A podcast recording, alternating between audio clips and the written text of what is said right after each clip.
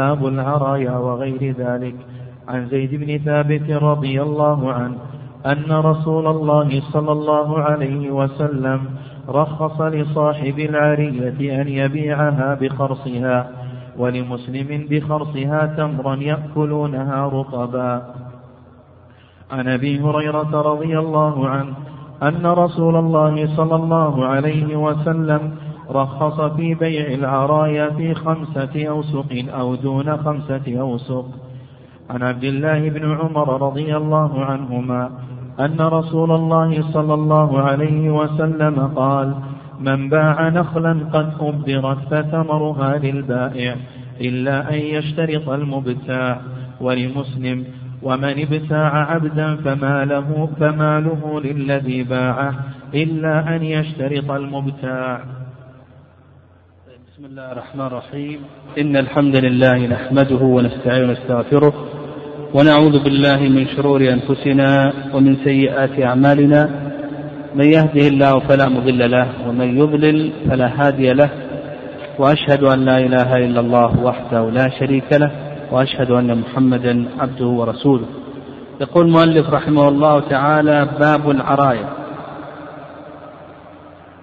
العرية في اللغة فعيلة بمعنى مفعولة.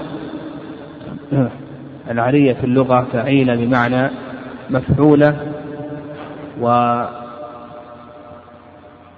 والعري بمعنى التجرد.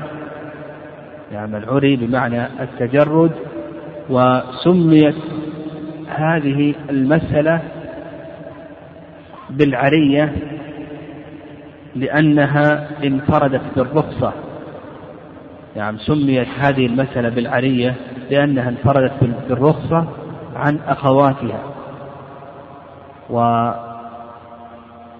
الصورة العراية هي صورة المزابنة. كما تقدم لنا أن المزابنة هي أن يشتري الرطب على رؤوس النخل بالتمر اليابس. العرية هكذا. العرية صورة من صور المزابنة لكن نعم. لكن العرية مقيدة بشروط. إذا اختل شرط من هذه الشروط أصبحت مزابنة فالعرايا هي أن يشتري الرطب بالتمر اليابس لكن بشروط. والمزابنة كذلك أن يشتري الرطب بالتمر اليابس. وسبق أن ذكرنا لكن العرايا مستثنات من المزابنة بشروط. يعني مستثنات من المزابنة بشروط. وسبق أن ذكرنا أنه عندما تبادل ربويا بجنسه يعني مالا ربويا بجنسه فإنه يشترط ماذا؟ يشترط التساوي والتماثل. لا بد من التساوي في الرطوبة والتساوي في اليبوسة والتساوي في الخشونة وفي النعومة ونحو ذلك. لا بد من التساوي. العراية هنا مستثنى. العراية تبيع تمرا يابسا برطبا برطب على رؤوس النخل لكن بشروط. الشروط نعم التي تشترط لصحة مسألة العراية. الشرط الأول أن يخرس الرطب الذي على رؤوس النخل أن يخرس الرطب الذي على رؤوس النخل بما يؤول إليه إذا جف كيلا أن يخرس الرطب الذي على رؤوس النخل بما يؤول إذا جف كيلا.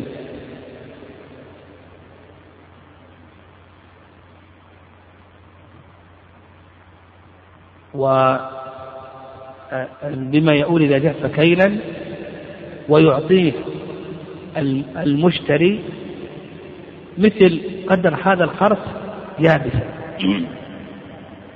فنقول الشرط الأول نخرص الرطب الذي على رؤوس النخل. يعرفه أهل خبرة كم يساوي إذا جف بالكيل؟ كم يساوي من صاع؟ مثلا قالوا يساوي مئة صاع. فيسلمه المشتري يسلم للبائع مئة صاع من التمر اليابس. هذا الشرط الأول. الشرط الثاني أن يكون الشرط الثاني أن يكون المشتري محتاج إلى أكل الرطب لكي يتفكه مع الناس لأنه إيش سبب العرية؟ سبب العرية أن فقراء من الأنصار أتوا النبي صلى الله عليه وسلم فذكروا للنبي صلى الله عليه وسلم أنه ليس عندهم دراهم يشترون بها رطب لكن عندهم تمر يابس العام الماضي. فرخص لهم النبي صلى الله عليه وسلم أن يشتروا بالتمر اليابس رطبا. ونقول الشرط الأول لا بد أن ننظر أن, أن, أن نخلص هذا الرطب وكم يساوي إذا جف بالكيل ثم بعد ذلك يدفع المشتري مثل قدر هذا الخرص خرصنا الرطب جاءت مئة صاع يعطيه مئة صاع.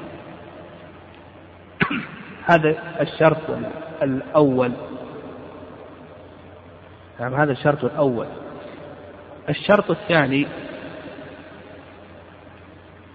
الشرط الثاني أن يكون محتاجا إلى أكلها رطبا.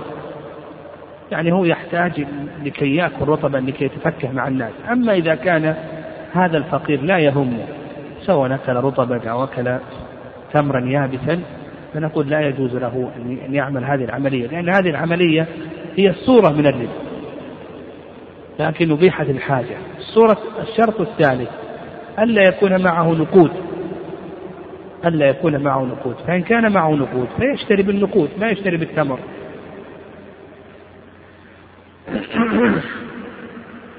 الشرط الرابع نعم الشرط الرابع القبض. الشرط الرابع القبض. فقبض النخلة بتقليتها البائع يخلي بين المشتري والنخل. وقبض التمر اليابس بكيله. المشتري يكيل التمر اليابس للبائع صاحب النخل. الشرط الخامس أن يكون في أقل من خمسة أوسق. نعم الشرط الخامس أن يكون في أقل من خمسة أوسق. الشرط السادس أن يكون هذا في الرطب. نعم هل يجوز في بقية الثمار؟ أو نقول بأنه خاص في الرطب. يعني مثلا لو أراد أن يسلك مثل هذا مثلا الزبيب والعنب. يشتري بالزبيب عنبا. هل نقول بأن هذا جائز أو نقول بأنه خاص في الرطب؟ هذا موضع خلاف بين العلماء رحمهم الله.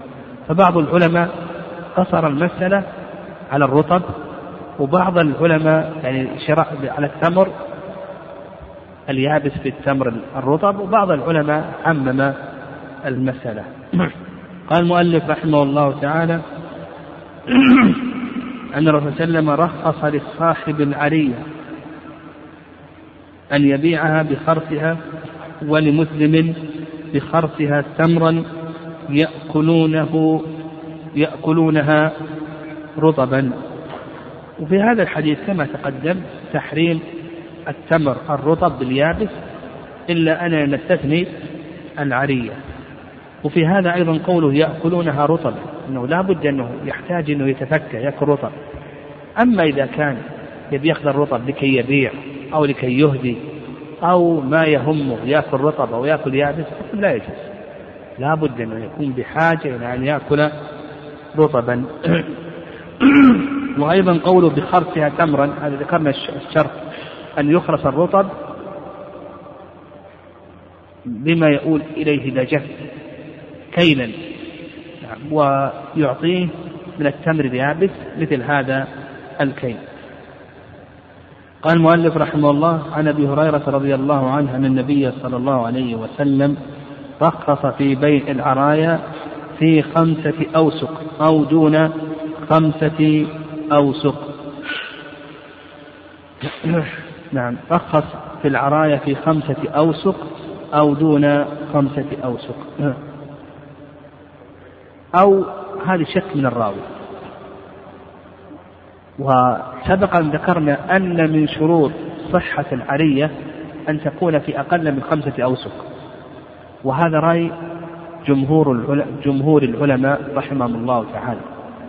الرأي الثاني رأي الإمام مالك رحمه الله. نعم الرأي الثاني رأي الإمام مالك رحمه الله تعالى أنه يجوز في خمسة أوسق يعني يجوز في خمسة أوسق ويستدلون على هذا برواية الشك قوله أو أو في خمسة أوسق يعني في خمسة أوسق قالوا هذا يدل على جواز العرية في خمسة أوسق وأيضا حديث سهل رضي الله تعالى عنه أنه قال العرية ثلاثة أوسق أو أربعة أو خمسة. العرية ثلاثة أوسق أو أربعة أو خمسة. طيب. الوسق كم قدر الوسق نعم. الوسق يساوي ستين صاعا نعم. الوسق يساوي ستين صاعا وإذا قلنا خمسة أوسق كم يجوز حد العرية؟ يساوي كم؟ ثلاثمائة صاع يعني لك أن تشتري إلى ثلاثمائة صاع يعني من الرطب. بالتمر اليابس تشتري إلى 300 صاع على رأي الإمام مالك. على رأي الجمهور أربعة أوسق أربعة في ستين يساوي كم؟ 240 200 والصاع الواحد بالكيلوات يساوي كيلوين و40 جرام. يعني الصاع الواحد يساوي كيلوين و40 جرام. قال رحمه الله تعالى عن عبد الله بن عمر رضي الله عنهما أن رسول الله صلى الله عليه وسلم قال من باع نخلا قد أبرت فثمرتها للبائع إلا أن يشترط المبتاع.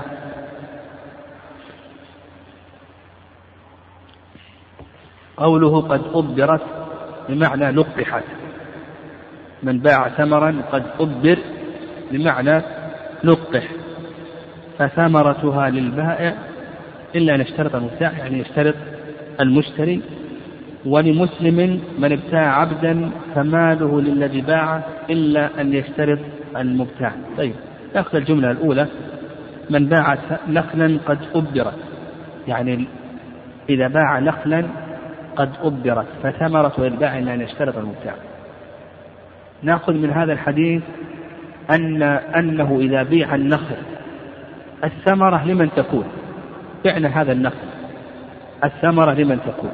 أقول هذا فيه تفصيل. إن كان البائع لقح النخل والتلقيح أن يأخذ من طلع الفحل ويضعه في الأنثى. فإن كان البائع قد لقح النخل فالثمرة تكون له. وإن كان البائع لم يلقح ها؟ فالثمرة تكون لمن؟ للمشتري. الثمرة تكون للمشتري.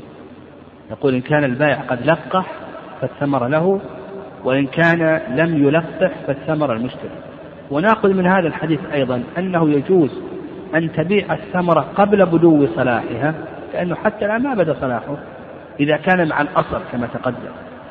يعني الذي ينهى عن بيعه قبل بدو صلاحه إذا كان مفردا.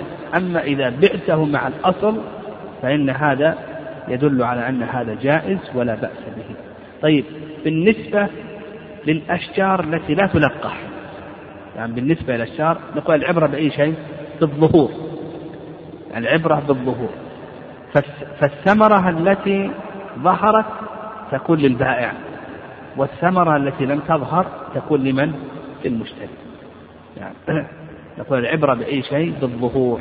يعني عندك أشجار ما يحتاج أنها تلقح بل نقول العبرة بظهور الثمرة فإن كانت الثمرة قد ظهرت فهي البائع وإن كانت لم تظهر فهي المشتري. سبحانك اللهم وبحمدك. وهذا أيضا يقول هل يشرع سجود السهو في صلاة الجنازة؟ وما الضابط في ذلك؟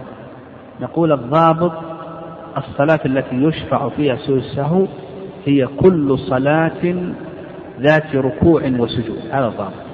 كل صلاة ذات ركوع وسجود يشرع فيها سجود السهو وعلى هذا صلاة الجنازة ليس فيها ركوع ولا سجود لا يشرع فيها سجود السهو